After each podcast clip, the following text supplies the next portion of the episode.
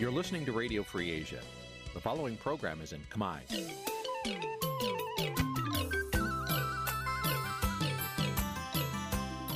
នេះជាកម្មវិធីផ្សាយ Vuthu Azizi Serai នេះជាកម្មវិធីផ្សាយរបស់ Vuthu Azizi Serai ជាភាសាខ្មែរ Vuthu Azizi Serai សូមស្វាគមន៍លោកអ្នកនាងទាំងអស់ពីរដ្ឋធានី Washington នៃសហរដ្ឋអាមេរិក បាទប្រធានាធិបតី Washington ខ្ញុំបាទទីនសាករិយាសូមជម្រាបសួរលោកនាងកញ្ញាទាំងអស់ជាទីមេត្រីយើងខ្ញុំសូមជូនកម្មវិធីផ្សាយសម្រាប់ព្រឹកថ្ងៃអង្គារ11រោចខែស្រាបឆ្នាំខាលចត្វាស័កពុទ្ធសករាជ2566ត្រូវនៅថ្ងៃទី23ខែសីហាគ្រិស្តសករាជ2022បាទជាដំបូងនេះសូមអញ្ជើញលោកនាងកញ្ញាស្ដាប់ព័ត៌មានប្រចាំថ្ងៃដែលមានមេត្តាដូចតទៅ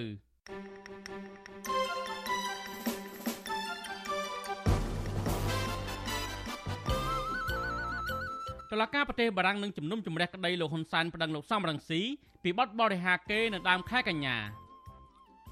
ប្រធានមហាសន្និបាតអង្គការសហប្រជាជាតិលើកទី76សរសើរកម្ពុជាថាបានរួមចំណែករក្សាសន្តិភាពនៅលើពិភពលោក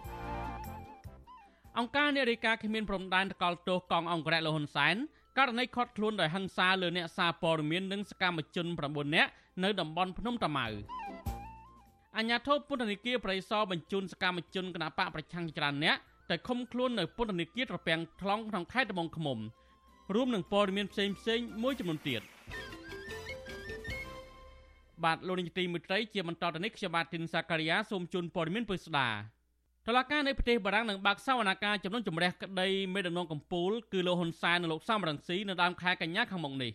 នេះគឺជាលើកទី1ហើយដែលតឡាការបារាំងបើកសវនកម្មកាត់ក្តីលោកសំរងស៊ីតាមពាក្យប្តឹងរបស់លោកហ៊ុនសែននៅថ្ងៃទី1ខែកញ្ញានេះនៅទីក្រុងប៉ារីសប្រទេសបារាំងលោកហ៊ុនសែននិងកូនប្រសារគឺលោកឌីវិជាបានប្តឹងលោកសំរងស៊ីកាលពីថ្ងៃទី20សីហាឆ្នាំ2019នៅតុលាការប្រទេសបារាំងពីបទបរិហាកេចំពោះការដែលលោកសំរងស៊ីចោទថាលោកហ៊ុនសែនជាអ្នករៀបចំផែនការសម្លាប់លោកហុងលឹងឌីដែលជាដន្លងរបស់ខ្លួន លោកសំរងស៊ីបានប្រាប់វិទ្យុអាស៊ីសេរីថាលោកនឹងឡើងទៅតតាំងក្តីនៅតុលាការដោយផ្ទាល់រីឯខាងភៀកគីដើមចោតគឺលោកហ៊ុនសែនវិញនឹងបញ្ជូនតំណាងរបស់ខ្លួនគឺមេធាវីបារាំង4រូបដើម្បីតតាំងរឿងក្តីនេះលោកសំរងស៊ីអះអាងថាការឡើងសវនាការតតាំងក្តីជាមួយលោកហ៊ុនសែននេះជាឱកាសដ៏កម្រមួយសម្រាប់ឲ្យលោកនិងក្រុមមេធាវីរបស់លោកលាតត្រដាងប្រាប់តុលាការបារាំងនៅអំពើអក្រិតកម្មនានារបស់លោកហ៊ុនសែនរួមទាំងការប៉ុនប៉ងសម្រាប់រូបលោក និងអំពើហិង្សាបង្ហូរឈាមទៅលើអ្នកផ្សេងទៀតដែរចៅក្រមស៊ើបសួរនៅតុលាការប្រទេសបារាំងបានសម្រេចចាប់ប្រកាន់ប្រធានស្ដីទីគណៈបកសង្គ្រោះជាតិលោកសំរងស៊ីពីបទបរិហាកេជាសាធារណៈលើបុគ្គលតាមបណ្ដឹងរបស់អគ្គស្នងការរងនគរបាលជាតិលោកឌីវិជាជាកូនប្រុសរបស់លោកហុងឡុងឌីកាលពីថ្ងៃទី20សីហាឆ្នាំ2019លោកឌីវិជាតាមរយៈមេធាវីរដ្ឋាភិបាលនិងមេធាវីនៅក្នុងប្រទេសបារាំងបានដាក់ពាក្យប្តឹងលោកសំរងស៊ីថាបានចាប់ប្រកាន់លោកនាយករដ្ឋមន្ត្រីហ៊ុនសែន ត្រូវជាឪពុកក្មេករបស់លោកថាបានរៀបចំផែនការសម្លាប់ឪពុកបង្កើតរបស់លោកកាលពីថ្ងៃទី2ខែមិថុនាឆ្នាំ2019លោកសំរងស៊ីប្រធានស្ដីទីគណៈបកសង្គ្រោះជាតិបានសរសេរនៅលើគេហទំព័រ Facebook របស់លោកថាលោកហ៊ុនសែនជាអ្នកបញ្ជាឲ្យសម្លាប់លោកហុងឡុងឌីតាមរយៈធ្វើឲ្យផ្ទុះអធំភេកចៈដែលលោកហុងឡុងឌីកំពុងតែជិះពីភ្នំពេញទៅកាន់ខេត្តស្វាយរៀងកាលពីថ្ងៃទី9វិច្ឆិកាឆ្នាំ2008លោកសំរងស៊ីបានចោទទៀតថា កូនប្រុសសពរបស់លោកហុងឡុងឌីគឺលោកឌីវិជា ដែលត្រូវជាកូនប្រសាររបស់លោកហ៊ុនសែនកំពុងតែរៀបចំផែនការជាមួយរដ្ឋមន្ត្រីក្រសួងមហាផ្ទៃលោកសខេងដើម្បីរកវិធីសងសឹកលោកហ៊ុនសែន។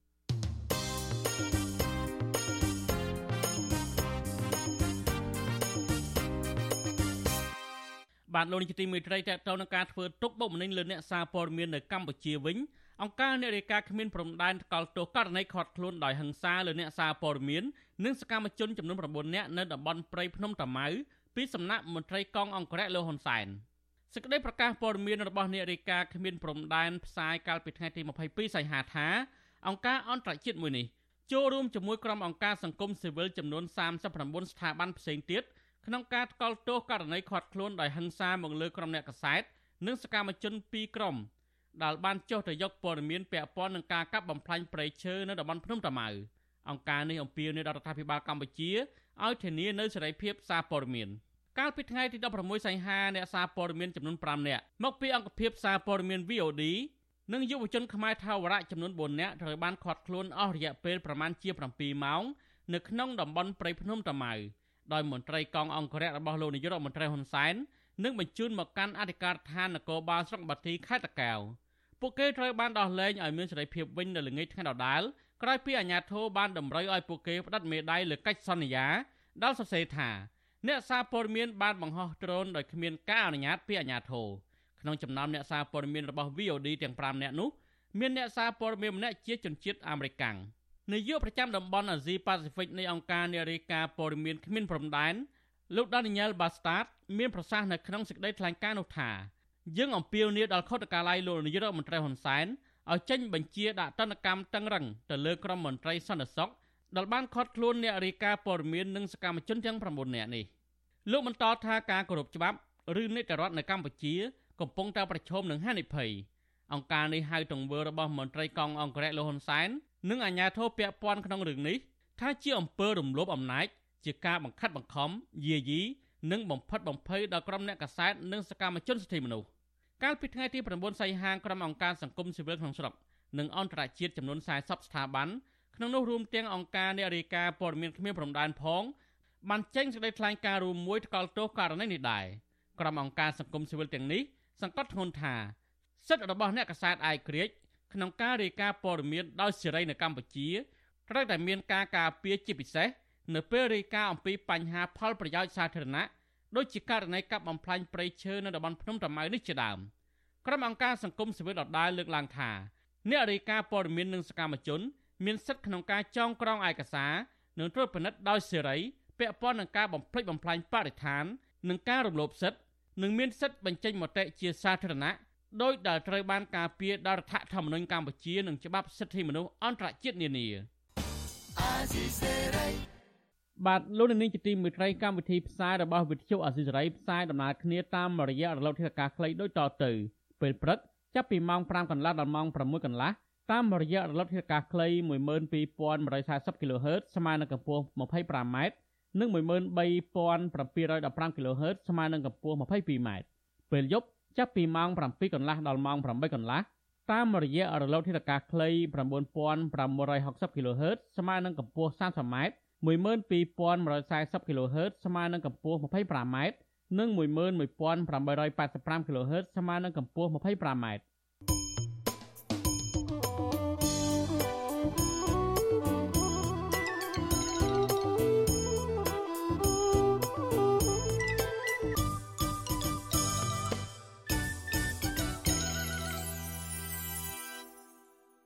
បាទលោកនាយកទីមេត្រីអតីតរដ្ឋមន្ត្រីក្រសួងឃោសនាការក្នុងរបបសាធារណរដ្ឋខ្មែរលោកឆាំងសុងបានទទួលមរណភាពនៅសហរដ្ឋអាមេរិកក្នុងវ័យ85ឆ្នាំដោយរោគគាពៀតនៅលើគេនេះ Facebook ឈ្មោះសុងឆាង មានការចែករំលែកសារជាច្រើនដោយសាច់ញាតិនិងអ្នកស្គាល់លោកឆាំងសុងដែលបង្ហាញពីការសោកស្ដាយនិងថាពួកគេចូលរួមរំលែកទុក្ខគ្រួសារសពព្រឹទ្ធសភាកម្ពុជាក៏បានផ្ញើសាររំលែកទុក្ខគ្រួសារលោកនិងបានបួងសួងឲ្យវិញ្ញាណក្ខន្ធរបស់លោកឆាំងសុងបានដល់សុគតិភព ភរិយារបស់លោកឆាំងសុងឈ្មោះសុំរុនបានសរសេរសារបញ្ជាក់ថាស្វាមីលោកស្រីទទួលមរណភាពកាលពីព្រឹកថ្ងៃអាទិត្យទី21សីហានៅក្នុងមន្ទីរពេទ្យនៅទីក្រុង Long Beach រដ្ឋ California សហរដ្ឋអាមេរិកលោកឆាំងសុងអតីតរដ្ឋមន្ត្រីឃោសនាការនៃរបបសាធារណរដ្ឋខ្មែររបស់លោកសេនាប្រមុខលន់នល់ធ្លាប់ជាអ្នកនាំពាក្យរដ្ឋាភិបាលនិងជាមនុស្សចំណិតនឹងលោកលន់នល់លោកឆាំងសុងបានចាកចេញពីប្រទេសកម្ពុជាទៅសហរដ្ឋអាមេរិកជាមួយលោកលន់នល់ មុនពេលពួកខ្មែរក្រហមវាយជលកាន់កាប់ក្រុងភ្នំពេញក្នុងខែមេសាឆ្នាំ1575លោកឆាំងសុងក៏ធ្លាប់បានតួនាទីជាទីប្រឹក្សាលោកជាស៊ីមអតីតប្រធានគណៈបកប្រជាជនកម្ពុជានិងជាសមាជិកព្រឹទ្ធសភារបស់គណៈបកប្រជាជនកម្ពុជាមួយរយៈខ្លីផងដែរ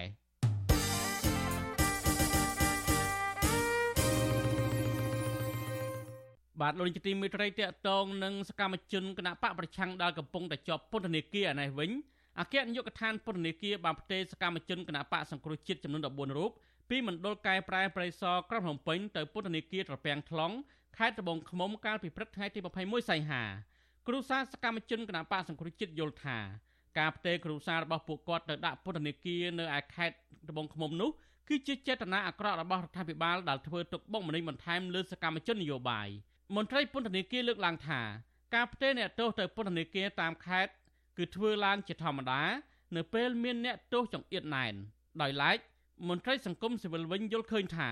ការផ្ទេរអ្នកទោសកម្មជននយោបាយបែបនេះគឺធ្វើឡើងដើម្បីកុំឲ្យតែអ្នករាយការណ៍ពិសេសសិទ្ធិមនុស្សលោកវិទិតមន្តបនបានជួបសម្ភាសពួកគេតែប៉ុណ្ណោះបាទប្រធានាធិបតីវ៉ាស៊ីនតោនលោកមានរិទ្ធរាយការណ៍ព័ត៌មាននេះអគ្គនាយកដ្ឋានពន្ធនាគារកាលពីព្រឹកថ្ងៃទី21ខែសីហា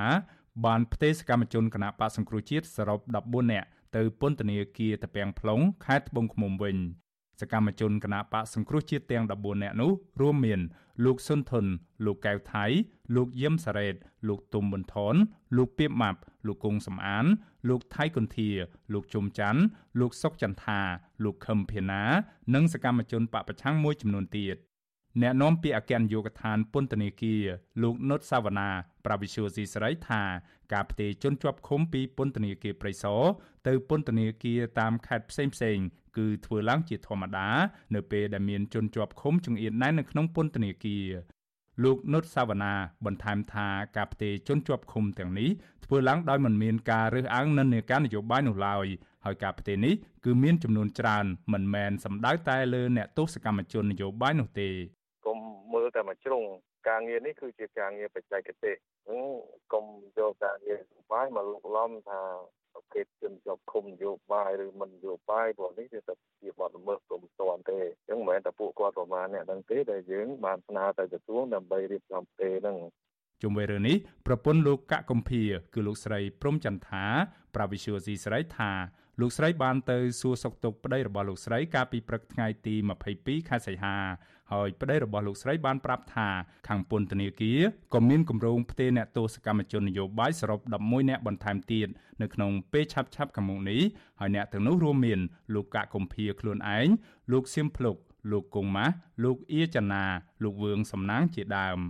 ជាមួយគ្នានេះលោកស្រីព្រំចន្ទថាយល់ឃើញថាការផ្ទេរពន្ធនាគារសម្រាប់ក្រុមអ្នកទោសដែលជាសកម្មជនរបស់គណៈបកសង្គ្រោះជាតិនៅពេលនេះ គឺជាការធ្វើទុកបុកម្នេញដល់សកម្មជនគណៈបកប្រឆាំងបន្ថែមទៀតហើយការផ្ទេរនេះទៀតសោតលោកស្រីថានឹងធ្វើឲ្យក្រុមគ្រួសាររបស់សកម្មជនទាំងនោះប្រឈមនឹងការលំបាកបន្ថែមទៀតនៅក្នុងការចំណាយថវិកាទៅសួរសុខទុក្ខផ្ញើថ្នាំនិងម្ហូបអាហារទៅដល់អ្នកទោសដែលកំពុងជាប់ឃុំទាំងនោះ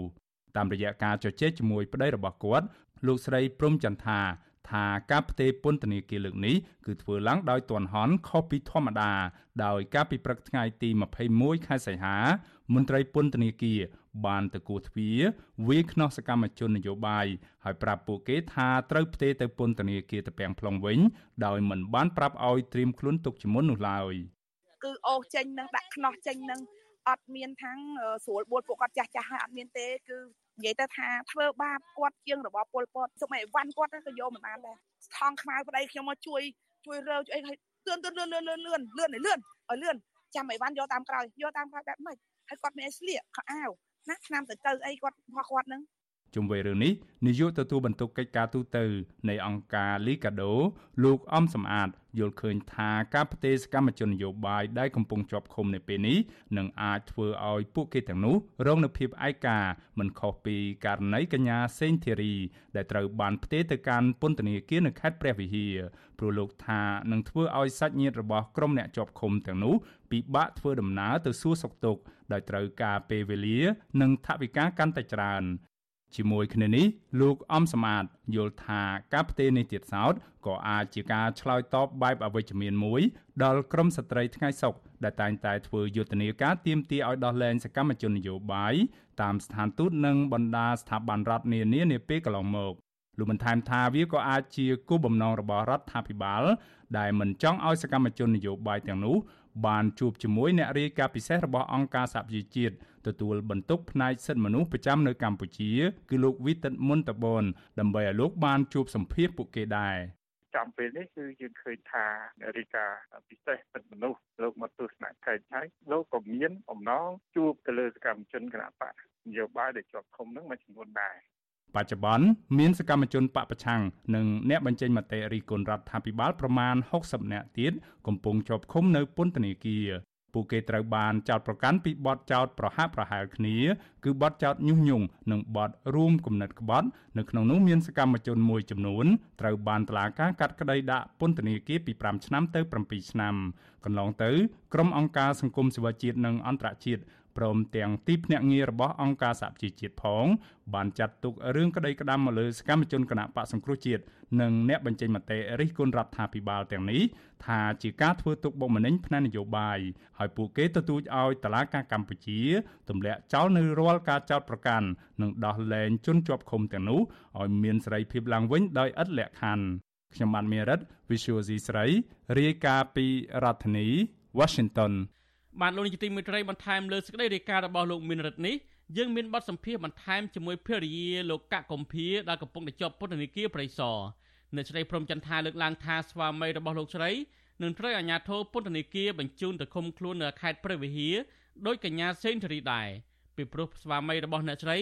ជាប់សំណុំរឿងតែមួយអ្នកស្រីព្រំចន្ទថាចាត់ទុកថាការបញ្ជូនសកម្មជនគណបកប្រឆាំងយកទៅដាក់ពន្ធនាគារនៅខេត្តនេះ ជាការដាក់បន្ទុកបន្ថែមទៀតលើក្រុមគ្រួសាររបស់សកម្មជនគណបកប្រឆាំងបាទលោកនាយកទីមេត្រីសូមលោកនាងស្ដាប់បទសម្ភាសន៍របស់អ្នកស្រីសុជីវីនិងលោកស្រីព្រំចន្ទថាអំពីបញ្ហានេះដូចតទៅអឺលោកស្រីព្រំចន្ទថាប្រពន្ធរបស់សកម្មជនគណបកសង្គ្រោះជាតិនឹងបានទៅសួរសុខទុក្ខឬក៏សូមជួបសុខទុក្ខប្តីនៅឯពន្ធនាគារតាពាំង plong នឹងតើ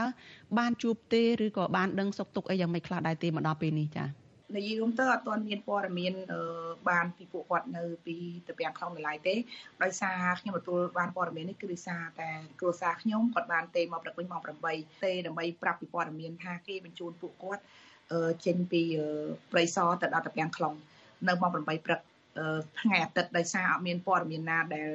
ឲ្យក្រុមគូសាឬក៏មេធាវីបានដឹងតតែសោះតែម្ដងគឺមេធាវីក៏អត់ដឹងដែររឿងនេះអ្វីដែលធ្វើនេះគឺវាទាន់ហន់ពេកហើយមើលទៅដូចមានកំណងគុំគួនជាមួយនឹងសកម្មជននយោបាយតាំងពីកាលណាមកអញ្ចឹងដោយអាការដែលដែលបញ្ជូនគាត់ទៅគឺវាទាន់ហន់ខ្លាំងមែនតើហើយមិនមែនជាមន្ត្រីពន្ធនាគារទេសូម្បីមន្ត្រីពន្ធនាគារក៏មិនមិនបានដឹងរឿងនេះដែរព្រោះខ្ញុំបានទៅចូលដាក់ពាក្យសុំចូល សួរទៅទុកគាត់ហ្នឹងគឺអត់បានដឹងទេហើយគឺគឺមន្ត្រីក្រសួងមហាផ្ទៃតែមូលតែម្ដងហើយអាការបញ្ជូននេះទៀតគឺទៀតសតគឺចូលមកបង្ខំបង្ខំឲ្យដាក់ខ្នោះគាត់ចេញពីបន្ទប់ដែលបន្ទប់ឃុំខ្លួនគាត់ហ្នឹងរួចហើយសុបអេអាការជញ្ជូនអីវ៉ាន់ក៏អត់បានជញ្ជូនដែរថាអីវ៉ាន់ចាំជញ្ជូនទៅពេលក្រោយពួកគាត់អត់ទេគាត់ត្រូវតែយកអីវ៉ាន់គាត់ទៅបើអញ្ចឹងគាត់មានការអើណាស្លៀកថ្នាំសង្កូវណាលេបវាហាក់បីដូចជានៅមានការសង្ស័យពីក្រោយខ្នងឬក៏មានអត្តកម្បាំងពីក្រោយខ្នងគឺ នឹងធ្វើទុកបុកម្នេញពួកគាត់ឬក៏បញ្ជូនពួកគាត់ដើម្បីឲ្យឆ្ងាយពីសាច់ញាតិឆ្ងាយហើយមានផលលំបាកទាំងស្រុងតែម្ដងហើយចុះហេតុអីដាក់គុកគាត់នៅព្រៃសរហើយបញ្ជូនគាត់ទៅគុកទៅពាំងខ្លងទៀតដើម្បីអ្វីឬក៏ធ្វើជាងគឺមានការលាក់បាំងចំពោះជាតិនិងអន្តរជាតិឬក៏បណ្ដាអង្គការក្រៅរដ្ឋាភិបាលតាមពិតអ្វីគាត់ធ្វើនេះគឺគេដឹង ពីយូរមកហើយគេមិនមិនដឹងទេប៉ុន្តែគាត់នៅតែធ្វើទុកបុកម្នេញសកម្មជននយោបាយជាដរាបអត់ដែលមានការជោគជ័យប៉ុន្តែអ្នកស្រីព្រមចន្ទថាអ្នកខ្ញុំមិនអាចនាំពាក្យខាងពន្ធនាគារអគ្គនាយកដ្ឋានពន្ធនាគារបានបញ្ជាក់ថាការផ្ទេរផ្ទូអ្នកទោសអ្នកជាប់ឃុំចេញពីពន្ធនាគារណាមួយទៅពន្ធនាគារផ្សេងទៀតនោះគឺផ្អែកទៅលើស្ថានភាពជាក់ស្ដែងដូចជាឧទាហរណ៍ករណីអ្នកទាំង14អ្នកនេះអាចមកពី ពន្ធនាគារនឹងចង្អៀតណែននៅរាជធានីភ្នំពេញដូច្នេះក៏ផ្លាស់ប្ដូរទៅតើត្រង់នេះអាចទទួលយកបានទេចា៎និយាយទៅគាត់មានអណ្ដាតចេះតែកលាស់គេថាអណ្ដាតអត់ឆ្អឹងសួរថាពន្ធនាគារមានការចង្អៀតហើយចាំមិនដោះលែងពួកគាត់ទៅបើចង្អៀតទេគាត់មានទោសស្អីគេប្តីខ្ញុំជាជាពិសេសរដ្ឋាភិបាលឬក៏ដោយតុលាការមិនដោះលែងពួកគាត់ទៅមើលតូចចង្អៀតឬក៏អឺដាក់គាត់នៅក្រៅឃុំទៅគាត់អត់មានទោសអីផងហ្នឹង ហើយរឿងអីមកត្រូវបញ្ជូនពួកប្តីខ្ញុំហើយចុះអ្នកជាប់គុកមកកណោដែលគេដែលជាប់ទោសមកកណោចុះហេតុអីបានជាអ្នកខ្លះគ្រឿងញៀនអ្នកខ្លះថាសេពគ្រឿងញៀនអីមិនដោះលែងពួកគាត់ទៅមិនសម្រាប់ទោសពួកគាត់ទៅឬក៏ពួកប្តីខ្ញុំមានខុសឲ្យផងហើយនៅទោសនយោបាយចាប់គាត់មកដាក់ទោសអត់កំហុសសោះហ្នឹងមិនដោះលែងពួកគាត់ទៅហើយសុកគិតបដូរអានេះគឺថាគេហៅថាជាជាល្បិចគេហៅល្បិចសាមកុកអីខ្ញុំដឹងតែចំពោះពួកគាត់គឺល្បិចច្រើនមែនតើ គ្មានអ្នកណាអញ្ជើញគាត់ពួកគាត់តន់ទេល្បិចនេះល្បិចកម្ពុជាល្បិចមកខ្ញុំអត់និយាយទៅថានិយាយមិនចេញហ្មងថាល្បិចខ្ពស់ពេកទៅយើងតាមមិនតន់ណាចុះងាកមកលោកកកគុំភាដែលជាប្តីរបស់លោកស្រីព្រំចន្ទថាវិញពេលនេះគាត់មិនទាន់ត្រូវបញ្ជូនទៅពន្ធនាគារតាពាំង plong ទេប៉ុន្តែស្ថិតនៅក្នុងគម្រោងដែរមិនចឹងចាខ្ញុំគាត់ថាវាមិនយូរទេព្រោះខ្ញុំគិតថាគាត់នឹងអាចបំបែកក្រុមឧស្សាហ៍ខ្ញុំមិនអាច ប្រហែលជាមិនអាចទៅតាពាំងខ្លងទេអ៊ីសុយប្រហែលជាអាចទៅដល់ជាមួយពាក់ព័ន្ធនឹងកញ្ញាសេងធីរីទៀតឯសាក្រអឺតោគាត់គឺជាមួយគ្នាជាមួយលោកអឺហេងចន្ទធីប្តីខ្ញុំហើយនឹងកញ្ញាសេងធីរីខ្ញុំជឿជាក់អញ្ចឹងព្រោះពួកគាត់បំបែកក្រុមគ្រួសារកុំឲ្យថាឆ្ងាយពីគ្រួសារកុំលៀបពីក្នុងគ្រួសារកុំឲ្យមានការតវ៉ាឬក៏ដូចជាបំផិតបំភ័យឬក៏គឺជាលក្ខណៈគម្រាមកំហែងក៏ដូចជាពួកខ្ញុំតវ៉ារាល់សប្តាហ៍ តែកុំកុំភ្លេចថាពួកខ្ញុំអត់រៀនថយដកថយទេទោះជាគាត់បញ្ជូននរណាក៏ដោយក៏ត្រូវតែទៅតាមដល់នឹងដែរហើយខ្ញុំអត់ខ្លាចទេទៅដល់គឺសកត់ខ្លួនដល់នឹងទើបតវ៉ាដល់នឹងទោះជាខ្ញុំកាយនានាដល់ណាក៏ខ្ញុំទៅដែរព្រោះខ្ញុំគិតថាបើសិនជាខ្ញុំមិនមើលបំរាស់មិនតស៊ូមតិហើយមិននៅស្ងៀមក៏ទង្វើនឹងក៏ធ្វើបាត់លើគ្រួសារខ្ញុំដូចគ្នាគឺគេមិនបាយគ្រួសារហើយគេនាំទៅឆ្ងាយទៀត ឆ្ងាយវាពុនឆ្ងាយពីកូនហើយវាអត់មានអីជាជាអាចកំបាំងឬអត់មានអីជាគេហៅថាមានការជជែកលើរដ្ឋាភិបាលក៏ដូចជាលើប្រព័ន្ធតុលាការដោយសារពួកគាត់ធ្វើឲ្យក្រោយគឺគ្មានក្រមសីលធម៌និងការចេះដឹងដាក់គុកពួកគាត់អត់កំហុសសោះហើយបំបែកបាក់ក្រុមគ្រួសារគេទៀតអញ្ចឹងបានន័យថាប្រទេសកម្ពុជាយើងគឺគ្មានច្បាប់គ្រប់សិទ្ធិមនុស្សនិងនីតិរដ្ឋត្រឹមត្រូវអញ្ចឹងបណ្ដាប្រទេសដែលគាត់គ្រប់សិទ្ធិមនុស្សប្រជាធិបតេយ្យពិតប្រកបគាត់នឹងអាចមើលឃើញទៅទាំងពិភពលោក គាត់មិនអាចទុកប្រទេសកម្ពុជាចោលដែលដែលដែលថាมันគ្រប់សិទ្ធិសញ្ញា23ដុល្លារទីក្រុងប៉ារីសគឺនឹងអាចមានលទ្ធផលនឹងពេលឆាប់ឆាប់ខ្ញុំជឿជាក់អញ្ចឹងព្រោះខ្ញុំគិតថាការសន្តានរបស់ខ្ញុំគណៈដឹកនាំគាត់អញ្ជើញទៅជួបថ្ងៃមុនហ្នឹងគឺគាត់យកចិត្តទុកដាក់ចំពោះក្រុមប្រសាពួកខ្ញុំអញ្ចឹងហើយគាត់ចង់បំបែកទិសដៅហ្នឹងដើម្បីកុំឲ្យយកចិត្តទុកដាក់ជាមួយពួកគាត់បំបែកចេញឲ្យឆ្ងាយចាហើយគាត់គិតថាប្រហែលសំតាគាត់ចូល សុំជុកគឺស្នើទៅក្រសួងមហាផ្ទៃបើក្រសួងមហាមហាផ្ទៃមិនទម្លាក់ឈ្មោះមកក៏គាត់មិនអាចចូលបានដែរហើយម្យ៉ាងទៀតគឺលោកឧត្តបដែលខ្ញុំទៅជួបគាត់ពីថ្ងៃទី17ខ្ញុំជំនួបជាមួយគាត់ហ្នឹងគឺគាត់យកចិត្តទុកដាក់នៅរាយការណ៍ពិសេសអង្គការសហជីវជាតិហ្នឹងយកចិត្តទុកដាក់ពិសេសគាត់នឹងអាចចូលជួបអញ្ចឹងគាត់ចង់បំបែកដាននេះដើម្បីជៀសវាងឲ្យឆ្ងាយប៉ុន្តែខ្ញុំគិតថា គេដឹងច្បាស់ណាស់មិនមែនគេល្ងងទេធ្វើអ្វីគេដឹងច្បាស់ណាស់ហើយកុំខ្លាយថាំងមិនធ្វើបាបដល់តនយោបាយទេគ្រប់សិទ្ធិមនុស្សអគុណសន្តិភាពគឺគ្មានទេអញ្ចឹងស្បែកគេដឹងច្បាស់ណាស់ហើយខ្ញុំគិតថាទឹកមកដំណក់ដំណក់វានឹងអាចបំបាយថ្មនឹងបានថ្ងៃណាមួយវាមិនអាចនៅអញ្ចឹងថិតថេរទេដូច្នេះអ្វីដែលលោកស្រីព្រមចន្ទាលើកឡើងនេះគឺតកតនឹងទី1ការធ្វើទុកបុកម្នេញសកម្មជនគណៈបកសង្គ្រោះជាតិបន្ថែមទៀតដោយធ្វើឲ្យឃ្លាតឆ្ងាយពីសាច់ញាតិក្រុមគ្រួសារ ទី2ហ្នឹងគឺបន្ទាប់ពីមានការដែលមន្ត្រីជាន់ខ្ពស់គណៈបកភ្លើងទៀនបានទៅសួរសុខទុក្ខអ្នកជាប់ឃុំកាលពីពេលថ្មីថ្មីនេះហើយមួយទៀតហ្នឹងគឺដំណឹងនៃការដែលលោកវិទិតមុនតមននឹងទៅសួរសុខទុក្ខអ្នកដែលកំពុងជាប់ឃុំទាំងនេះជាពិសេសគឺអ្នកជាប់ឃុំដែលជាសកម្មជនគណៈបកសង្គ្រោះជាតិដែលជាអ្នក ជាប់ឃុំអាចចាត់ទុកថាជាអ្នកជាប់ឃុំផ្នែកមនសិការនឹងអញ្ចឹង3ចំណុចនេះហើយដែលដែលលោកស្រីគិតថាគឺជាដើមហេតុដែលនាំឲ្យមានការផ្លាស់ប្ដូរប្តីលោកស្រីនឹងសកម្មជនផ្សេងទៀតនឹងចេញពីពន្ធនាគារព្រៃសរទៅកាន់ពន្ធនាគារតាពាំង plong ចាលោកស្រីព្រមចន្ទាចំពោះលោកវិទិតមុនតបនវិញប៉ះសិនបើលោកពិតជាមានបំណងចង់ទៅសួរសុខទុក្ខអ្នកជាប់ឃុំអញ្ចឹងមែន ហើយពេលនេះមានការបំបែកបញ្ជូនទៅពន្ធនាគារឆ្ងាយឆ្ងាយហ្នឹងតើលោកស្រីគិតយ៉ាងម៉េចតើលោកវិទិតមុនតបនគួរតែបោះបង់មិនទៅជួបតាមតាមអ្វីដែលអាជ្ញាធររៀបចំនឹងទេឬក៏យ៉ាងម៉េចចាក្នុងចិត្តរបស់លោកស្រីចាអឺលោកឧត្តបនគឺជាមនុស្សមួយដែលគាត់មានឆន្ទៈខ្ពស់ហើយក៏គាត់ តស៊ូមតិខ្លាំងគាត់មិនដែលនៅស្ងៀមខ្ញុំគិតថាគាត់នឹងអាចធ្វើដំណើរទៅជួបពួកគាត់ដល់នឹងទៀតបើខ្ញុំទៅតាមការខ្ញុំគិតណាព្រោះខ្ញុំគិតថាគាត់គឺជាមនុស្សប្រជាធិបតេយ្យហើយគាត់នឹងទៅជំនួសអ្វីក៏ដោយគឺរករកឲ្យបានជាធិបតេយ្យដល់ប្រទេសកម្ពុជាក៏មិនអាចទៅប្រទេសកម្ពុជាចោលបានណាខ្ញុំគិតអញ្ចឹងហើយខ្ញុំគិតថាឥឡូវនេះវាដូចជារបបពលពតទី2អញ្ចឹង ដោយសារអាកាសដែលនាំគាត់ទៅហ្នឹងគឺហាក់បីដូចជាវាតន់ហន់យកទៅសម្លាប់ចោលឬពលពតអញ្ចឹងណាអញ្ចឹងវាមិនខុសគ្នាអីទេដាក់ខ្នោះអ្នកទល់នយោបាយដែលដែលអត់មានកំហុសសោះហើយអូសទាញទៅអញ្ចឹងអញ្ចឹងខ្ញុំមានការសោកស្ដាយទោះជាប្តីខ្ញុំមិនទាន់បានចាក់ចេញក៏ដោយក៏ប៉ុន្តែវានឹងអាចចាក់ចេញក្នុងពេលឆាប់ឆាប់ព្រោះខ្ញុំគិតថាបែបហ្នឹងព្រោះពួកគាត់នេះអឺមើលបើសិនលោកឧត្តបនោះគាត់ទៅនាការអីនាការវើលអីមើលឃើញគាត់ល្បិចខ្ពស់គាត់ មិនវាយគាត់មិនតប់គាត់អូសទាញតែដល់ពេលដឹងតែគេទៅស៊ើបអង្កេតអញ្ចឹងគាត់អត់វាយស្រាប់តែពេលគេអត់ទៅចាប់ដើមគាត់អូសគាត់វាយគាត់ទាញអញ្ចឹងបានហ្នឹងហើយគេថាល្បិចអញ្ចឹងបានថាល្បិចនេះណាគេដឹងដែរអញ្ចឹងសូមបោះបង់ចោលទៅ ជាពិសេសរៀនអីគេដឹងហ្នឹងអឺវត្តអសពុកគេដឹងណាស់ឈឺណាស់ចាអញ្ចឹងសូមឈប់ធ្វើទៅមើលអាក្រក់ក្រក់បែបហ្នឹងទៅកុំឲ្យគេគេគេមើលមកពីលើច្រើនពេកថាវាអាក្រក់បែបណាចំពោះប្រជាពលរដ្ឋខ្លួនឯងចាអាក្រក់ខ្លាំងបំផុតសម្រាប់អ្នកបម្រើ នៅអ្នកកាន់អំណាចចាដើម្បីមកធ្វើបាបប្រជាពលរដ្ឋខ្លួនឯងដែលស្លូតត្រង់ដែលគាត់គ្មានកំហុសសោះអរគុណច្រើនលោកស្រីព្រមចន្ទថាជំរាបលាលោកស្រីត្រឹមប៉ុណ្ណេះចាចាអរគុណបាទលោកនាយកទីមេត្រីលោកនាងត្រូវបានស្ដាប់បទសម្ភាសន៍របស់អ្នកស្រីសុជីវីននិងលោកស្រីព្រមចន្ទថាអំពីអាញាធរពន្ធនាគារផ្លាស់ប្តូរការឃុំឃាំងសកម្មជនគណបកប្រឆាំងពីពន្ធនាគារប្រៃសណនៅក្នុងរាជធានីភ្នំពេញយកទៅឃុំខ្លួននៅក្នុងពន្ធនាគារត្រពាំង tlong ខេត្តត្បូងឃ្មុំវិញ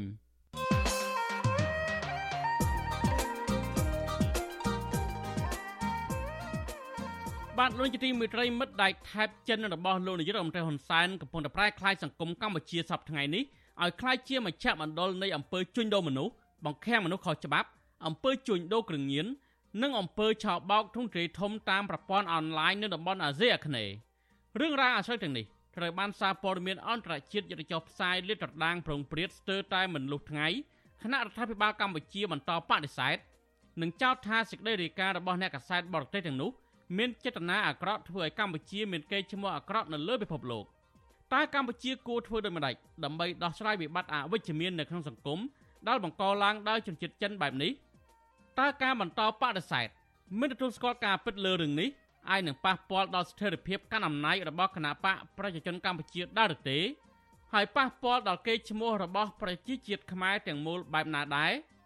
បាទនេះគឺជាប្រធានបទនៅក្នុងនីតិវេទិកាអ្នកស្ដាប់វិទ្យុអាស៊ីសេរី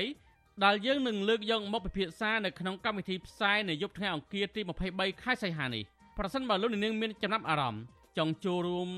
ដាក់ជាសំណួរនិងបញ្ចេញមតិយោបល់ពាក់ព័ន្ធនឹងប្រធានបទនេះសូមអញ្ជើញលោកនាងដាក់លេខទូរស័ព្ទនៅក្នុងប្រអប់ខ្ទង់ comment នៃការផ្សាយរបស់វិទ្យុអាស៊ីសេរីនាពេលនោះក្រុមការងាររបស់យើងនឹងហៅទូរស័ព្ទទៅលោកនាងវិញដើម្បីឲ្យលោកនាងអាចចូលរួមនៅក្នុងកម្មវិធីនេះបាន បាទសូមអរគុណ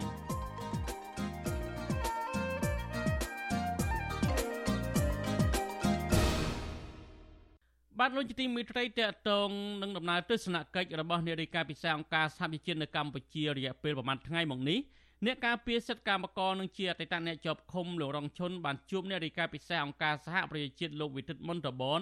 កាលពីរសៀលថ្ងៃទី22សីហាពិភាក្សាគ្នាអំពីការបោះឆ្នោតលំហសេរីភាពរបស់សហជីពនិងបញ្ហាប្រឈមរបស់កម្មករក្នុងជំនួបនេះ លោកវិទិតមុនតបនបានសួរនាំទីប្រឹក្សាសមាគមគ្រូបង្រៀនកម្ពុជាអាយក្រិចនិងជាប្រធានសហភាពសហជីពកម្ពុជាលោករងឈុនអំពីបញ្ហាជាច្រើនរួមមានបញ្ហាបោះឆ្នោតថ្នាក់ក្រោមជាតិឆ្នាំ2022និងការបោះឆ្នោតថ្នាក់ជាតិឆ្នាំ2023ខាងមុខការអនុវត្តសិទ្ធិសហជីពសង្គមស៊ីវិលនិងករណីតុលាការចាប់ប្រកាន់លើលោករងឈុនដែលសំណុំរឿងនេះកំពុងតែស្ថិតនៅក្រោមការឃ្លាំមើលរបស់តុលាការលោករងឈុនឲ្យវិទ្យុអាស៊ីសេរីដឹងកាលពីល្ងាចថ្ងៃទី22សីហា បន្ទាប់ពីជំនុំនោះថាលោកបានលើកឡើងប្រាប់នារីកាពិសេសអង្គការសហប្រជាជាតិដូចជា ពីបញ្ហាការបោះឆ្នោតកាលពីពេលថ្មីថ្មីនេះលំហសេរីភាពសកម្មជនសិទ្ធិមនុស្សនិងសកម្មជននយោបាយមានការរឹតបន្តឹងលោកបន្តថាលោកក៏បានលើកឡើងពីការរារាំងការលើកស្លាកគណៈបកនយោបាយនៅក្រៅរដ្ឋាភិបាលការប្រើប្រាស់អំពើហិង្សាការគំរាមកំហែងការប្តឹងទៅតុលាការជាដើម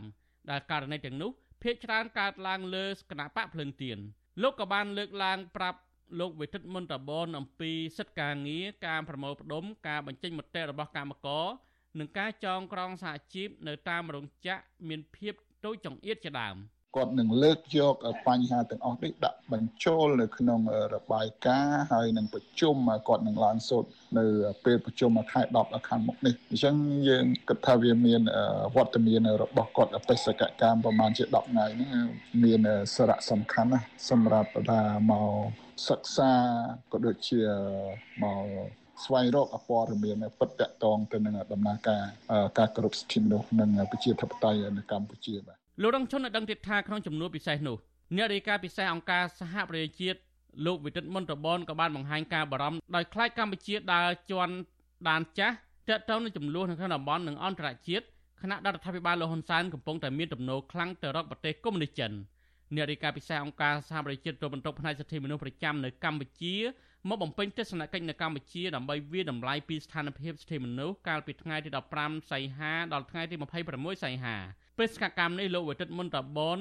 បានជួបក្រុមមន្ត្រីអង្គការសង្គមស៊ីវិលលោកនាយករដ្ឋមន្ត្រីហ៊ុនសែនប្រធានគណៈបកសង្គ្រោះជាតិលោកកម្មសខាប្រជាពលរដ្ឋដើម្បីចងក្រងជារបាយការណ៍សម្រាប់យកទៅថ្លែងនៅក្នុងកិច្ចប្រជុំអង្គការសហប្រជាជាតិនាដើមខែតុលាខាងមុខនេះ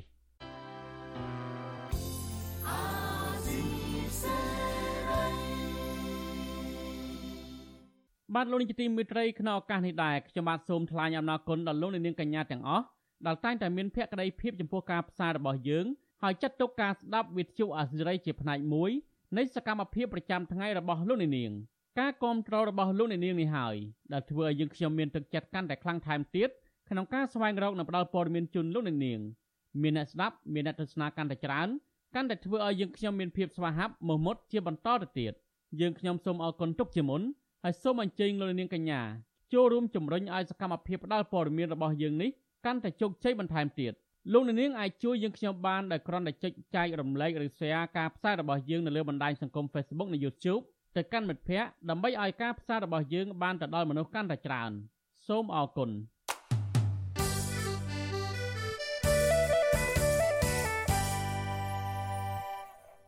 បាទលោកនាយកទីមេត្រីតេតទៅនឹងការផ្ដន់ទោសកម្មជនបរិស្ថានវិញយុវជនធ្វើការងារសង្គមនិងបរិស្ថាន7នាក់សោកស្ដាយដោយស្លាកអធរក្រុងភ្នំពេញសម្រាប់ដំកល់សារក្រមសាលាដំបងទុកជាបានការដោយមិនរំលាក់ប័ណ្ណចោទប្រកាន់លើពួកគេមន្ត្រីសង្គមស៊ីវិលថាការបន្តចាប់ប្រកាន់របស់តុលាការជាន់ខ្ពស់លើក្រុមយុវជនបែបនេះមិនមែនជាការលើកទឹកចិត្តឲ្យយុវជនចូលរួមសកម្មក្នុងការងារសង្គមនោះទេប៉ុន្តែជាការធ្វើទុកបុកម្នេញលើពួកគេទៅវិញ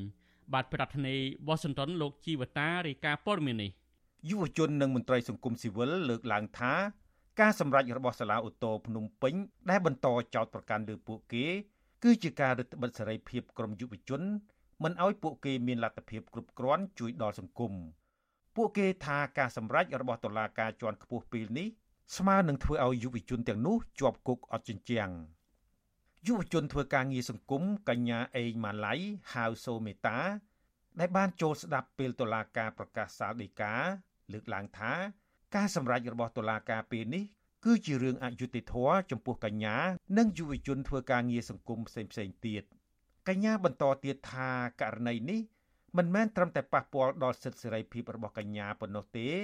ប៉ុន្តែថែមទាំងធ្វើឲ្យកញ្ញាមិនអាចចេញក្រៅប្រទេសបន្តការសិក្សា ឬគ្មានពេលវេលាគ្រប់គ្រាន់ដើម្បីប្រកបការងារចិញ្ចឹមជីវិតបើសម្រាប់ខ្ញុំខ្ញុំគិតថាយុទ្ធសាស្ត្ររបស់តុលាការគឺ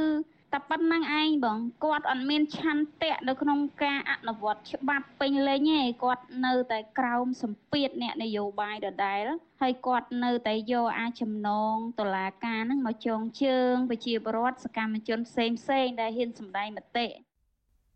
ដូចគ្នានេះដែរ ប្រធានសមាគមនិស្សិតបញ្ញវន្តខ្មែរលោកកើតសរាយលើកឡើងថាលោកហាក់ដឹងមុនទៅហើយថាតុលាការជាន់ខ្ពស់មួយនេះមិនហ៊ានផ្ដល់យុត្តិធម៌ដល់រូបលោកនោះទេ លោកបន្តទៀតថា ការសម្រេចរបស់សាលាឧទ្ធរពេលនេះមិនមែនជារឿងចម្លែកពេកនោះទេព្រោះតាំងពីដើមមក ចំពោះសំណុំរឿងសកម្មជនបរិស្ថាន សកម្មជនសង្គមនិងអ្នកនយោបាយបកប្រឆាំងក្តី នៅពេលតុលាការជាន់ទាបសម្រេចបែបណាហើយ តុលាការជាន់ខ្ពស់ក៏សម្រេចបែបនោះដែរ។កន្លងមកយើងឃើញហើយដឹងហើយនឹងដងស្គរហើយនឹងត្រូហ្នឹងគឺវាទៅតែមួយអញ្ចឹងខ្ញុំខ្ញុំហាក់ដូចជាមិនមានអារម្មណ៍រំពឹងថានឹងទទួលបានយុត្តិធម៌ទេតែយ៉ាងណាក៏ដោយខ្ញុំក្នុងនាមជាខ្មែរយើងនៅតែព្យាយាមអឺឲ្យតម្លៃគ្នាហើយយើងជឿជាក់ថាយើងខ្លាចបាបខ្មាស់បាបដែរដែលយើងអ្នកកាន់ពុទ្ធសាសនាណាការលើកឡើងរបស់ក្រមយុវជននេះធ្វើឡើងក្រោយពេលសាលាឧទ្ធរភ្នំពេញ បានបើកសវនាការនៅរសៀលថ្ងៃទី22ខែសីហានេះហើយប្រកាសសាលដីកាសម្រាប់តម្កល់សាលក្រមសាលាដំបងរាជធានីភ្នំពេញទុកជាបានការលើសំណុំរឿងយុវជនធ្វើការងារសង្គមនិងបរិស្ថានចំនួន7នាក់យុវជនទាំងនោះរួមមានក្រុមយុវជនខ្មែរថាវរៈនិងក្រុមយុវជនសមាគមនិស្សិតបញ្ញវន្តខ្មែរក្រៅពីយុវជនទាំង7នាក់នោះនៅក្នុងសវនាការនោះក៏មានសកម្មជនគណៈបកសង្គ្រោះជាតិ2នាក់ផងដែរ តាក់ទងនឹងរឿងនេះអ្នកនាំពាក្យសមាគមការពីសិទ្ធិមនុស្សអាត6លោកសង្សានករណាយល់ថាយុវជនទាំង7នាក់ដែលធ្វើការងារដើម្បីសង្គមនិងបរិស្ថាន គួរត្រូវបានលើកទឹកចិត្តមិនមែនត្រូវចោទប្រកាន់ពីបទល្មើសព្រហ្មទណ្ឌបែបនោះឡើយលោកបន្តថា ការធ្វើកិច្ចការសង្គមការប្រមូលផ្ដុំបញ្ចេញមតិនិងសកម្មភាពការងាររបស់យុវជនកន្លងមកមិនមែនជាការប្រព្រឹត្តបទល្មើសនោះឡើយ ប៉ុន្តែជាគំរូល្អសម្រាប់យុវជនផ្សេងទៀតមិនគួរណារងការចោទប្រកាន់ហើយមានការផ្ដន់ទាទោសលើពួកគាត់ទេអញ្ចឹងគប្បីមានការលើកទឹកចិត្តឲ្យពួកគាត់ធ្វើកិច្ចការងារនឹងទៅពីទេដើម្បីទទួលបាននៅអ្វីដែលជាផលប្រយោជន៍មកដល់សង្គមជាតិនឹងសមត្ថកិច្ចក្រុងភ្នំពេញបានចាប់ខ្លួនយុវជនទាំង7នាក់នោះកាលពីឆ្នាំ2021 ខណៈពួកគេចូលរួមតវ៉ានៅមុខតុលាការក្រុងភ្នំពេញស្នើឲ្យតុលាការដោះលែងអ្នកការពារសិទ្ធិកម្មករនិងជាអ្នកឃ្លាំមើលបញ្ហាព្រំដែនលោករងឈុនបន្ទាប់មកសាលាដំបងរាជធានីភ្នំពេញកាលពីខែតុលាឆ្នាំ2021ក៏បានផ្តន្ទាទោសពួកគេឲ្យជាប់ពន្ធនាគារពី20ខែទៅ2ឆ្នាំពីបទញុះញង់បង្កឲ្យមានភាពវឹកវរដល់សន្តិសុខសង្គមទោះជាយ៉ាងណា ក្រោយពីមានការរិះគន់ពីមហាជន និងកិច្ចអន្តរាគមន៍ពីសហគមន៍អន្តរជាតិផងនោះតុលាការក៏បានអនុញ្ញាតឲ្យសកម្មជនទាំងនោះអាចនៅក្រៅឃុំបណ្ដោះអាសន្នកាលពីចុងឆ្នាំ2021ហើយទោសដែលនៅសល់ត្រូវព្យួរប៉ុន្តែដាក់ពួកគេឲ្យស្ថិតនៅក្រោមការត្រួតពិនិត្យពីតុលាការខ្ញុំជីវិតាអាស៊ីសេរីបាទលោកនាយកទីមេត្រីតកតងនឹងការដំឡើងឋានន្តរស័ក្តិមន្ត្រីនគរបាលជាតិវិញ មន្ត្រីសង្គមស៊ីវិលនិងក្រុមយុវជនមិនទាន់ស្ងប់ចិត្តនៅឡើយទេតកតងនឹងករណីរដ្ឋាភិបាល បានដំឡើងតំណែងស្នងការនគរបាលខេត្តស្វាយរៀងលោកកឹងខនដែលមានរឿងអាស្រ័យទាក់ទងនឹងការប្រព្រឹត្តអំពើពុករលួយនិងបកពួកនិយមជាច្រើននោះពួកគេអំពាវនាវរដ្ឋាភិបាលគួរតែពិនិត្យឡើងវិញនិងដោះស្រាយបញ្ហាអំពើពុករលួយ របស់ស្នងការរូបនេះឲ្យបានត្រឹមត្រូវដើម្បីបញ្ជៀសពីផលប៉ះពាល់អវិជ្ជមានណាមួយដល់សន្តិសុខសង្គមនិងប្រជាពលរដ្ឋមន្ត្រីអង្គការសង្គមស៊ីវិលនិងក្រុមយុវជន ព្រួយបារម្ភថាការដំឡើងតំណែងមន្ត្រីខលខូចដែលមានរឿងអាស្រូវទាក់ទងនឹងរឿងអំពើពុករលួយ គឺជាប្រធ្នូអាក្រក់ជាអត្តពលមិនល្អដល់សង្គមជាតិកាលពីសប្តាហ៍មុនលោកនាយករដ្ឋមន្ត្រីហ៊ុនសែនបានចេញអនុក្រឹត្យផ្ទេរមុខតំណែងនគរបាលជាតិដោយតែងតាំងស្នងការនគរបាលខេត្តស្វាយរៀងលោកកឹងខនទៅជាអគ្គស្នងការរងនគរបាលជាតិយុវជនរស់នៅក្រុងបវត្តខេត្តស្វាយរៀងលោកឯកសុកសវណ្ណចង់ឃើញស្ថាប័ននគរបាលជាតិអនុវត្តទូនាទីភារកិច្ចមានដំណាភាព និងស្មោះត្រង់ក្នុងការតែងតាំងមន្ត្រីមានសមត្ថភាពគ្រប់គ្រាន់បម្រើជាតិនិងបរដ្ឋឲ្យរីកចម្រើន និងគ្មានអំពើពុករលួយលោកយល់ថាបរដ្ឋាភិបាលនៅតែមិនបោះសម្អាតមន្ត្រីខិលខូចនិងលុបបំបាត់អំពើពុករលួយពីស្ថាប័ននគរបាលជាតិទៅនោះបរដ្ឋនៅតែសង្ស័យនិងមិនទុកចិត្តរដ្ឋាភិបាល ក្នុងការអនុវត្តគោលនយោបាយលុបបំបាត់អំពើពុករលួយខ្ញុំគិតថាបើសិនជាស្នងការមកថ្មីខ្ញុំគិតថាឲ្យធ្វើម៉េចឲ្យល្អជាងអ្នកចាស់កុំឲ្យមានរឿងអាស្រូវដូចអ្នកចាស់ធ្វើម៉េចកុំឲ្យមានកូនចៅប្តឹងផ្ដាល់ធ្វើម៉េចឲ្យវាមានការបែងចែកទូនាទីភារកិច្ចកុំឲ្យវាមានទំនាស់ផលប្រយោជន៍ណាមួយដែលកើតមានធ្វើឲ្យសង្គមជាតិហ្នឹងវាវាមិនអាចអភិវឌ្ឍទៅបានណាកាលពីដើមឆ្នាំ2019នគរបាលខេត្តស្វាយរៀងជិត57នាក់បានចុះហត្ថលេខាលើលិខិតអនាមិក ប្តឹងស្នងការខេត្តស្វាយរៀងលោកកឹងខនលើកទី1ដែលចោទថា ប្រព្រឹត្តអំពើពុករលួយនិងបានប្រើអំណាចគម្រិតកំហែងជេរប្រមាថមន្ត្រីថ្នាក់ក្រោមរបស់ខ្លួនលិខិតអនាមិកបញ្ជាក់ថាលោកកឹងខនមានលុយរាប់សិបលានដុល្លារនិងទ្រព្យសម្បត្តិមហាសាលមិនប្រក្រតីដោយសារតែអំពើពុករលួយជាច្រើនឆ្នាំមកហើយក៏ប៉ុន្តែមកទល់ពេលនេះរដ្ឋាភិបាលឬអង្គភាពប្រឆាំងអំពើពុករលួយមិនទាន់ស៊ើបអង្កេតនិងរកយុត្តិធម៌អំពីបញ្ហានេះនៅឡើយទេ នគរបាលខេត្តស្វាយរៀងម្នាក់ថ្លែងសុំមិនបញ្ចេញឈ្មោះនិងសម្លេងព្រោះបារម្ភពីសុវត្ថិភាពឲ្យដឹងថាមានភាពមិនប្រក្រតីជាច្រើនក្នុងពេលស្នងការរំនេះកាន់មុខតំណែងជាង10ឆ្នាំកន្លងទៅរួមមានការគៀបសង្កត់ការធ្វើបាបកូនចៅថ្នាក់ក្រោមផ្លាស់ប្តូរទូនាទីនគរបាលតាមតែអំពើចិត្តនិងបញ្ជូនបងប្អូនសាច់ញាតិធ្វើការនៅកន្លែងធំធំជាដើមលោកបន្តថាពួកគាត់អស់ជំនឿលើកិច្ចការដឹកនាំរបស់ស្នងការរូបនេះជាយូរមកហើយ ដោយមិនហ៊ានប្តឹងសុំកិច្ចអន្តរាគមន៍ទៅថ្នាក់លើคล้ายក្រាញ់ប៉ះពាល់ដល់សុវត្ថិភាពប្រធានមជ្ឈមណ្ឌលប្រជាពលរដ្ឋដើម្បីអភិវឌ្ឍនិងសន្តិភាពលោកយងកំឯងលើកឡើងថារដ្ឋាភិបាលគួរតែថ្លឹងថ្លែងឲ្យបានល្អិតល្អន់ចំពោះការតែងតាំងមុខតំណែងស្នងការនគរបាលខេត្តនីមួយៗប្រសិនបើរើសមនុស្សមានសមត្ថភាពអនុវត្តទូនាទីល្អនិងស្មោះត្រង់នឹងជួយដល់ពលរដ្ឋរួមទាំងសង្គមជាតិបានច្រើនប៉ុន្តែលោកថាផ្ទុយទៅវិញ បើការគ្រប់គ្រងមន្ត្រីរូបណាមួយគិតតែពីផលប្រយោជន៍ប្រព្រឹត្តអំពើពុករលួយ នឹងធ្វើឲ្យខាតបង់ដល់ប្រជាពលរដ្ឋនិងសង្គមជាតិពាក្យពន្ធរឿងពុករលួយពាក្យពន្ធនឹងរឿងការខ្វះតម្លាភាពឬក៏ភាពប្រក្រតីអីណាមួយនោះគួរតែមានការដាក់ទោសទណ្ឌកុំអោយមានការយកគំរូតាមកុំអោយគាត់រួចខ្លួនពីបញ្ហានឹងបាទបើសិនជាថាគាត់ពាក្យពន្ធនឹងករណីអីត្រូវធ្វើការស៊ើបអង្កេតឲ្យច្បាស់លាស់ប្រន់ទាទោសគាត់តាមច្បាប់អញ្ចឹងទៅបាទនេះជារឿងមួយសំខាន់ហើយបើយើងចង់ឲ្យមន្ត្រីនឹងធ្វើការមានប្រសិទ្ធភាពតោះតែយើងរឹតបន្តឹងរឿងវិន័យក្រមហើយនឹងការអនុវត្តច្បាប់នឹងដែរបាទ វិទ្យុអាស៊ីសេរីមិនអាចតាក់ទងអ្នកនាំពាក្យអគ្គស្នងការនគរបាលជាតិលោកឆៃកំខឿនដើម្បីសំសួរអំពីបញ្ហានេះបានឡើយទេនៅថ្ងៃទី22សីហារីឯស្នងការនគរបាលខេត្តស្វាយរៀងដែលត្រូវបានដំឡើងទៅជាអគ្គស្នងការរងនគរបាលជាតិលោកកឹងខនវិញក៏មិនអាចសំការបំភ្លឺបានដែរនៅថ្ងៃទី22សីហាដដែលនេះជំវិញនឹងរឿងនេះអ្នកនាំពាក្យសមាគមការពារសិទ្ធិមនុស្សអាត់ហុកលោកសឹងសានការណាសង្កេតឃើញថា ព័ត៌មានពាក់ព័ន្ធនឹងរឿងអំពើពុករលួយរបស់ស្នងការរូបនេះមិនត្រូវបានស៊ើបអង្កេតដោយយកចិត្តទុកដាក់ដើម្បីចាត់វិធានការតាមផ្លូវច្បាប់ដែលជាដើមចំលើកទឹកចិត្តឲ្យមានអំពើពុករលួយក្នុងជួរសមត្ថកិច្ចកាន់តែរីកធំឡើងលោកយល់ថារដ្ឋាភិបាលគួរតែស៊ើបអង្កេតឲ្យបានត្រឹមត្រូវមុននឹងដំឡើងទូនាទីនឹងឋានៈទៅឲ្យមន្ត្រីណាមួយ។ ហើយបើសិនជាអ្នកដែលប្រព្រឹត្តនៅអំពើ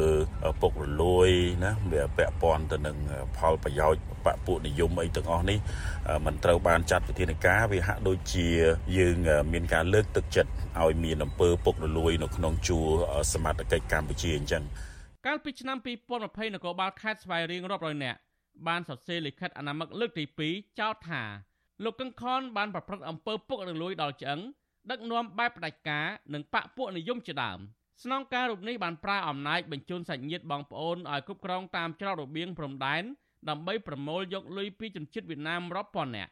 ទន្ទឹមនឹងនេះមានរឿងអយុត្តិធម៌កើតមានជាច្រើនឆ្នាំមកហើយ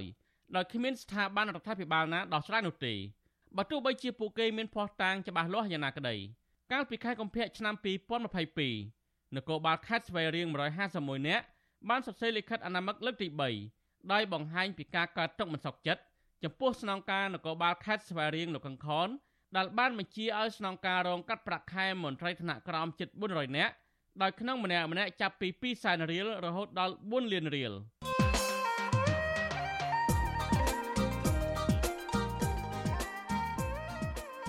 បាទលោកជាទីមេត្រីមិត្តដៃថែបចិនរបស់លោកនាយករដ្ឋមន្ត្រីហ៊ុនសែនកំពុងតែប្រែក្លាយសង្គមកម្ពុជាសប្តាហ៍ថ្ងៃនេះឲ្យក្លាយជាមជ្ឈមណ្ឌលនៃអំពើជួញដូរមនុស្ស បង្ខាំងមនុស្សខុសច្បាប់អំពើជួញដូរគ្រឿងញៀននិងអំពើឆោបោកធុងទ្រាយធំតាមប្រព័ន្ធអនឡាញនៅតំបន់អាស៊ីអាគ្នេយ៍រឿងរ៉ាវអាស្រ័យទាំងនេះត្រូវបានសារព័ត៌មានអន្តរជាតិយកទៅចុះផ្សាយលាតត្រដាងប្រងព្រាតស្ទើរតែមិនលុះថ្ងៃគណៈរដ្ឋាភិបាលកម្ពុជាបន្តបដិសេធនិងចោទថាសេចក្តីរាយការណ៍របស់អ្នកកាសែតបរទេសទាំងនោះមានចេតនាអាក្រក់ធ្វើឲ្យកម្ពុជាមានកេរ្តិ៍ឈ្មោះអាក្រក់នៅលើពិភពលោក។តើកម្ពុជាគួរធ្វើដូចម្តេចដើម្បីដោះស្រាយវិបត្តិអវិជ្ជមាននៅក្នុងសង្គម ដែលបង្កឡើងដោយជនជាតិចិនបែបនេះតើការបន្តបដិសេធមិនទទួលស្គាល់ការពិតលើរឿងនេះអាចនឹងប៉ះពាល់ដល់ស្ថិរភាពកាន់អំណាចរបស់គណបកប្រជាជនកម្ពុជាដែរឬទេហើយប៉ះពាល់ដល់កេរ្តិ៍ឈ្មោះរបស់ប្រជាជាតិខ្មែរទាំងមូលបែបណាដែរបាទនេះគឺជាប្រធានបទនៅក្នុងនីតិវិទ្យាអ្នកស្ដាប់វិទ្យុអាស៊ីសេរីដែលយើងនឹងលើកយកមកពិភាក្សានៅក្នុងកម្មវិធីផ្សាយនៅយប់ថ្ងៃអង្គារទី23ខែសីហានេះប្រសិនបើលោកនាងមានចំណាប់អារម្មណ៍ ចង់ចូលរួមដាក់ជាសំណួរនិងបញ្ចេញមតិយោបល់ពាក់ព័ន្ធនឹងប្រធានបទនេះសូមអញ្ជើញលោកនាងដាក់លេខទូរស័ព្ទនៅក្នុងប្រអប់ខ្ទង់ comment នៃការផ្សាយរបស់វិទ្យុអាស៊ីសេរីនាពេលនោះក្រុមការងាររបស់យើងនឹងហៅទូរស័ព្ទទៅលោកនាងវិញដើម្បីឲ្យលោកនាងអាចចូលរួមនៅក្នុងកម្មវិធីនេះបាន បាទសូមអរគុណ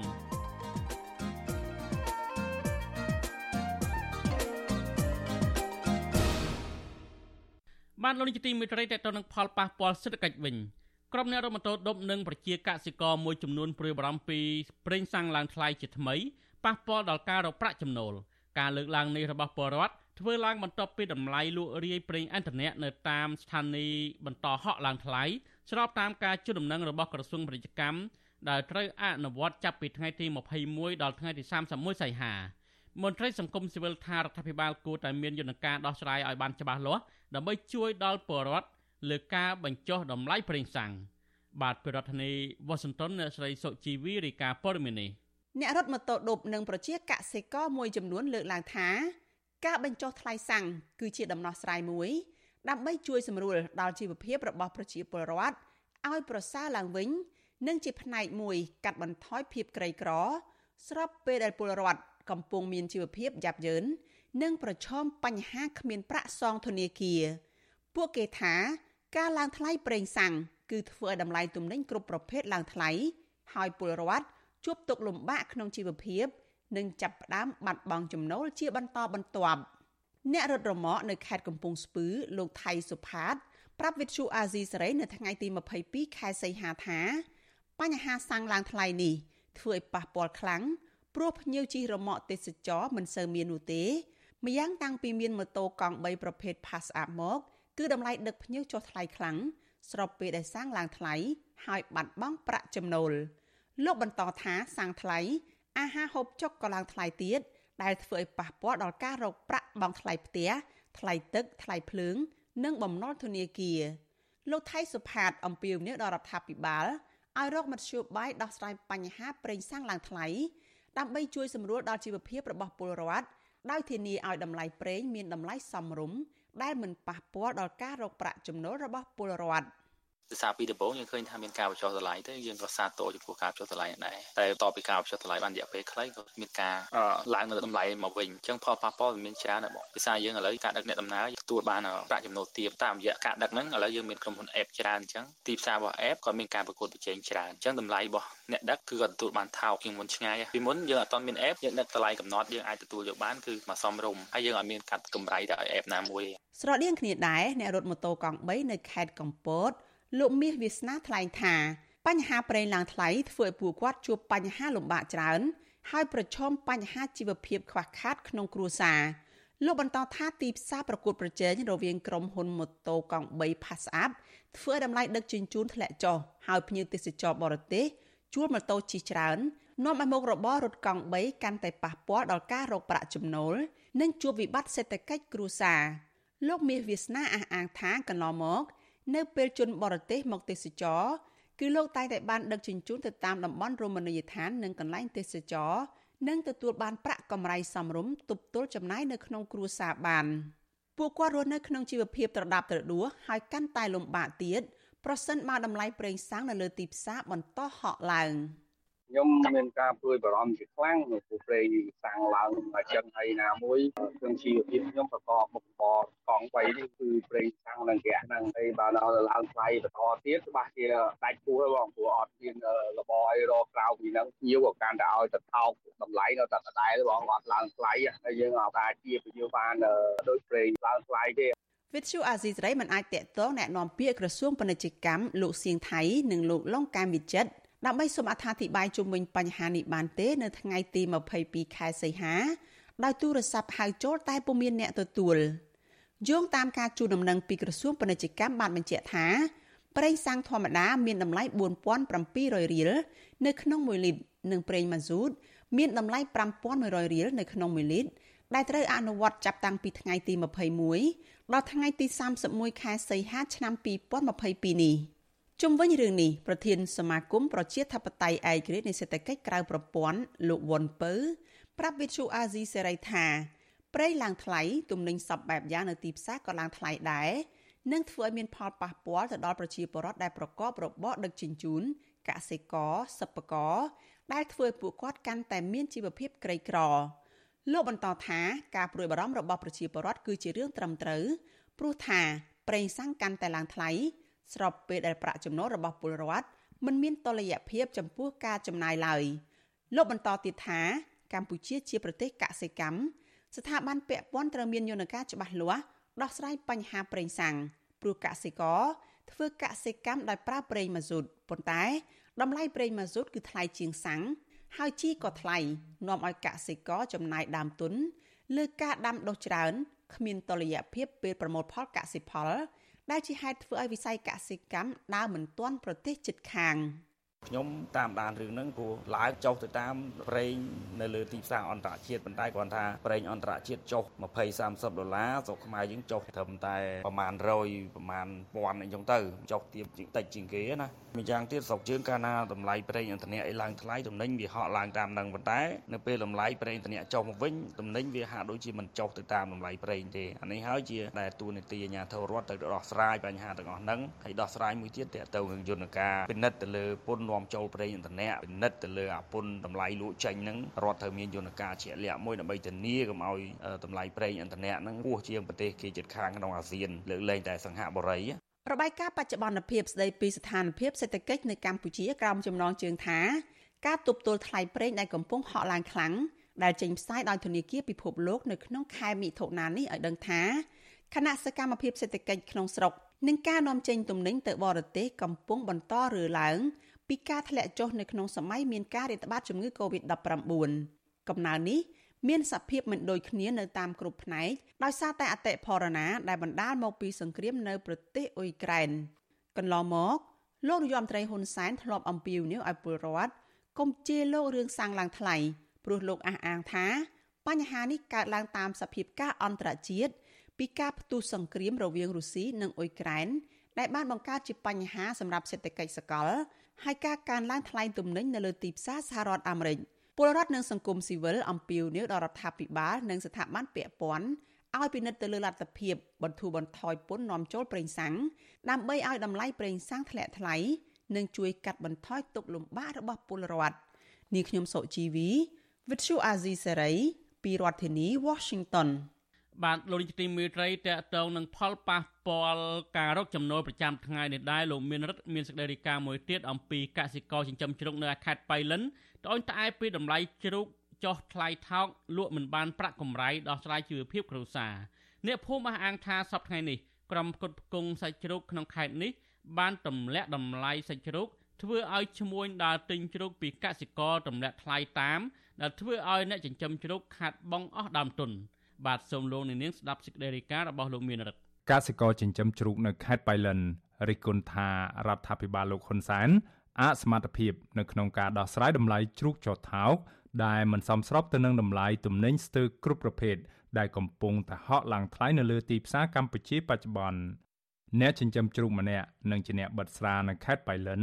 លោកស្រីកែវចន្ទធីប្រាវិសុយស៊ីស្រីនៅថ្ងៃទី21ខែសីហាថា លោកស្រីមានបញ្ហាជីវភាពជាខ្លាំងដោយត្រូវចំណាយសម្រាប់កូន3នាក់ក្នុងបន្ទុកឲ្យរៀនសូត្រនិងត្រូវមើលថែទាំម្ដាយវ័យចាស់ជរាម្នាក់ផងអ្នកចិញ្ចឹមជ្រូកដែលមានដើមកំណើតនៅខេត្តព្រៃវែងរូបនេះបន្តថានៅខេត្តព្រៃវែងជួបបញ្ហារាំងស្ងួត3ឆ្នាំជាប់គ្នាធ្វើឲ្យលោកស្រីធ្វើស្រែមិនបានផលទើបសម្រេចចិត្តចាក់ចេញពីស្រុកកំណើតមករស់នៅខេត្តបៃលិននិងប្រកបរបរបិតស្រា និងចិញ្ចឹមជ្រូកវិញម្ដង លោកស្រីបន្តទៀតថាកន្លងមកតម្លៃអង្ករនិងមេស្រា មានតម្លៃសមរម្យធ្វើឲ្យជីវភាពគ្រួសាររបស់លោកស្រីល្អប្រសើរហើយអាចទប់ទល់នឹងការចំណាយប្រចាំថ្ងៃនិងកូនរៀនសូត្របានលោកស្រីបន្តថាតម្លៃជ្រូកបន្តធ្លាក់ថ្លៃដោយតម្លៃកូនជ្រូកធ្លាប់លក់បានមួយក្បាល350,000រៀលក៏ប៉ុន្តែនៅពេលនេះលក់បានត្រឹមតែ250,000រៀលតែប៉ុណ្ណោះ លោកស្រីអំពាវនាវដល់រដ្ឋាភិបាល និងស្ថាប័នពាក់ព័ន្ធឲ្យជួយរកវិធីសាស្ត្រយ៉ាងណាទប់ទល់នឹងទំនិញឡើងថ្លៃនិងហាមឃាត់ការនាំចូលជ្រូករស់ពីប្រទេសជិតខាង ដើម្បីរក្សាតម្លៃជ្រូកក្នុងស្រុក ស្អីស្អីវាឡើងថ្លៃដល់ជ្រូកចុះអញ្ចឹងវាយ៉ាប់ហ្នឹងឯងបងអត់សូវបានយកមកពុតគុំក្រុមគ្រួសារវាអត់គ្រប់គ្រាន់ចំណៃឥឡូវអាក្របវាមកដល់15000ប៉ះសម្រាប់កូនជ្រូកបបែកវិញមេបើអាជ្រូកចាប់ពី50 60គីឡូឡើងហ្នឹងអាមេចំណៃហ្នឹងមកក្រុងពី15000ជ្រូកកាលមុនវាបាន1គីឡូវា120 125ធ្លាក់នៅសល់100 105ចាធ្លាក់ហើយចំណៃកទួខ្ញុំធ្លាក់ទេ1គីឡូចា1300តែមុនយើងអស់ហើយ1គីឡូត្រឹម800ហើយអស់ថ្លៃបំផុត1000លើឆ្នាំនេះលេងឡើងដល់3ម្ដងសូម្បីតែកូនក៏លក់បានថោកជាងរាល់ឆ្នាំដែរកាលមុនកូនខ្ញុំបាយស៊ីចំណៃអស់2រងអីបាន135ដល់ឥឡូវហ្នឹងបាន250000សិនជានៅតែអញ្ចឹងទៀតចាំមិនចំណេញមានដោហ្នឹងឯងបងណាលក់មកសាមកឲ្យតែថ្លៃចំណៃថ្លៃកតុគេមានរួចខ្លួនបងអ្នកចិញ្ចឹមជ្រូកម្នាក់ទៀតលោកសៀងសទ្ធីលើកឡើងថាកន្លងមកលោកទិញពោតនិងកន្ទក់ធ្វើជាចំណីជ្រូកក៏ប៉ុន្តែក្រោយមក តម្លៃពោតនិងកន្ទក់ឡើងថ្លៃធ្វើឲ្យលោកបដូរមកដាក់ចំណីដែលមានលក់នៅតាមទីផ្សារវិញម្ដងលោកបន្តទៀតថាបច្ចុប្បន្នចំណីជ្រូកឡើងថ្លៃនិងចំណាយច្រើនក៏ប៉ុន្តែតម្លៃជ្រូករស់លក់ចេញបែរជាចុះថ្លៃនាំឲ្យចំណូលធ្លាក់ចុះប៉ះពាល់ដល់ជីវភាពគ្រួសារ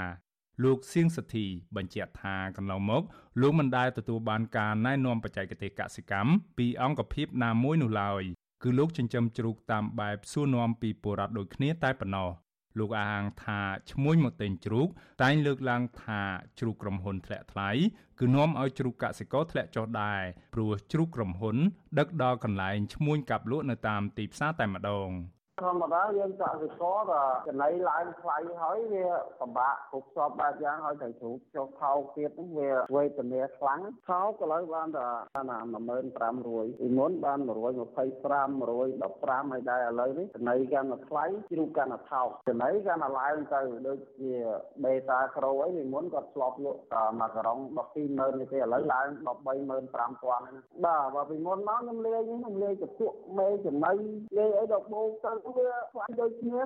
ចំណែកឯឈ្មួញទិញជ្រូកនិងកាប់ជ្រូកលោកណេតសុផល លើកឡើងថាលោកទិញជ្រូកមកកាប់លក់គឺអាស្រ័យទៅលើតម្លៃទីផ្សារបើឡើងថ្លៃលោកទិញថ្លៃក៏ប៉ុន្តែបើជ្រូករបស់ក្រុមហ៊ុនចុះថោកគឺលោកត្រូវទិញក្រោមតម្លៃជ្រូករបស់ក្រុមហ៊ុនដែរទើបអាចចំណេញលោកបន្តថាជ្រូកធ្លាក់ថ្លៃនេះមិនប៉ះពាល់ដល់ការលក់ដូររបស់លោកនោះទេព្រោះលោកលក់ទៅតាមតម្លៃទីផ្សារ ហើយទិញជ្រូកពីកសិករចុះតម្លៃទៅតាមនោះដែរ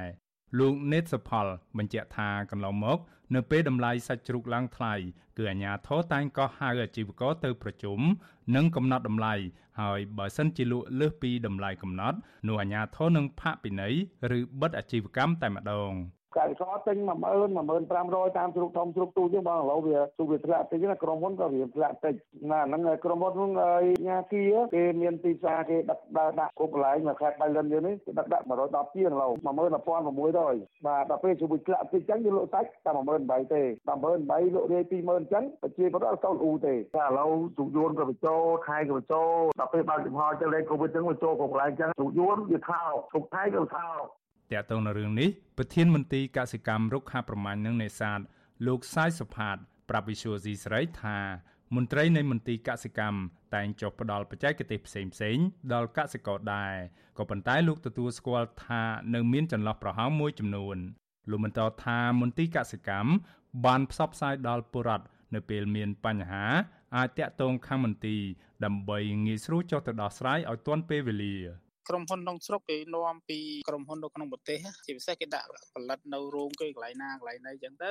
របស់ក្រុមហ៊ុនពាក់ព័ន្ធនឹងការដែលលក់ជ្រូកយើងគ្រាន់តែបានតែធ្វើលិខិតបញ្ជាក់ថាផលិតនៅក្នុងខេត្តឬក៏នាំចូលអីចឹងតែប៉ុន្តែតម្លៃនៅលើការងារចរចាគ្នារវាងអ្នកកាប់អ្នកលក់អីចឹងណា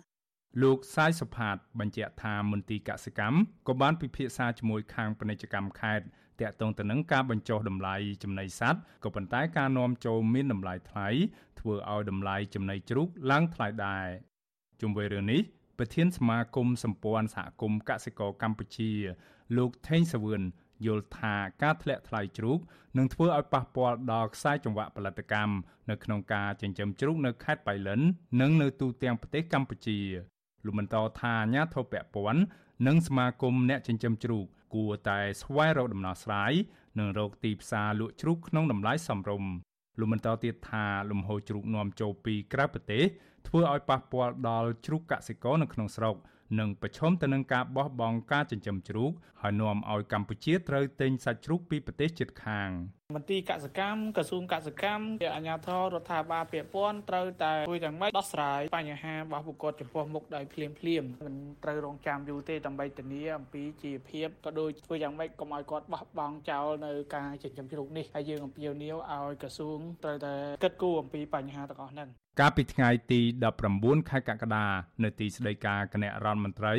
ប្រតិភូរាជរដ្ឋាភិបាលទទួលបន្ទុកជាអគ្គនាយកនៃអគ្គនាយកដ្ឋានសុខភាពសត្វនិងផលិតកម្មសត្វលោកតាន់ផាន់ណារ៉ាបានថ្លែងថាក្រសួងកសិកម្មមិនបានអនុញ្ញាតឲ្យនាំចូលជ្រូកពីប្រទេសវៀតណាមអស់រយៈពេលជិត9ខែមកហើយហើយលោកថាកម្ពុជាអាចផ្គត់ផ្គង់ជ្រូកគ្រប់គ្រាន់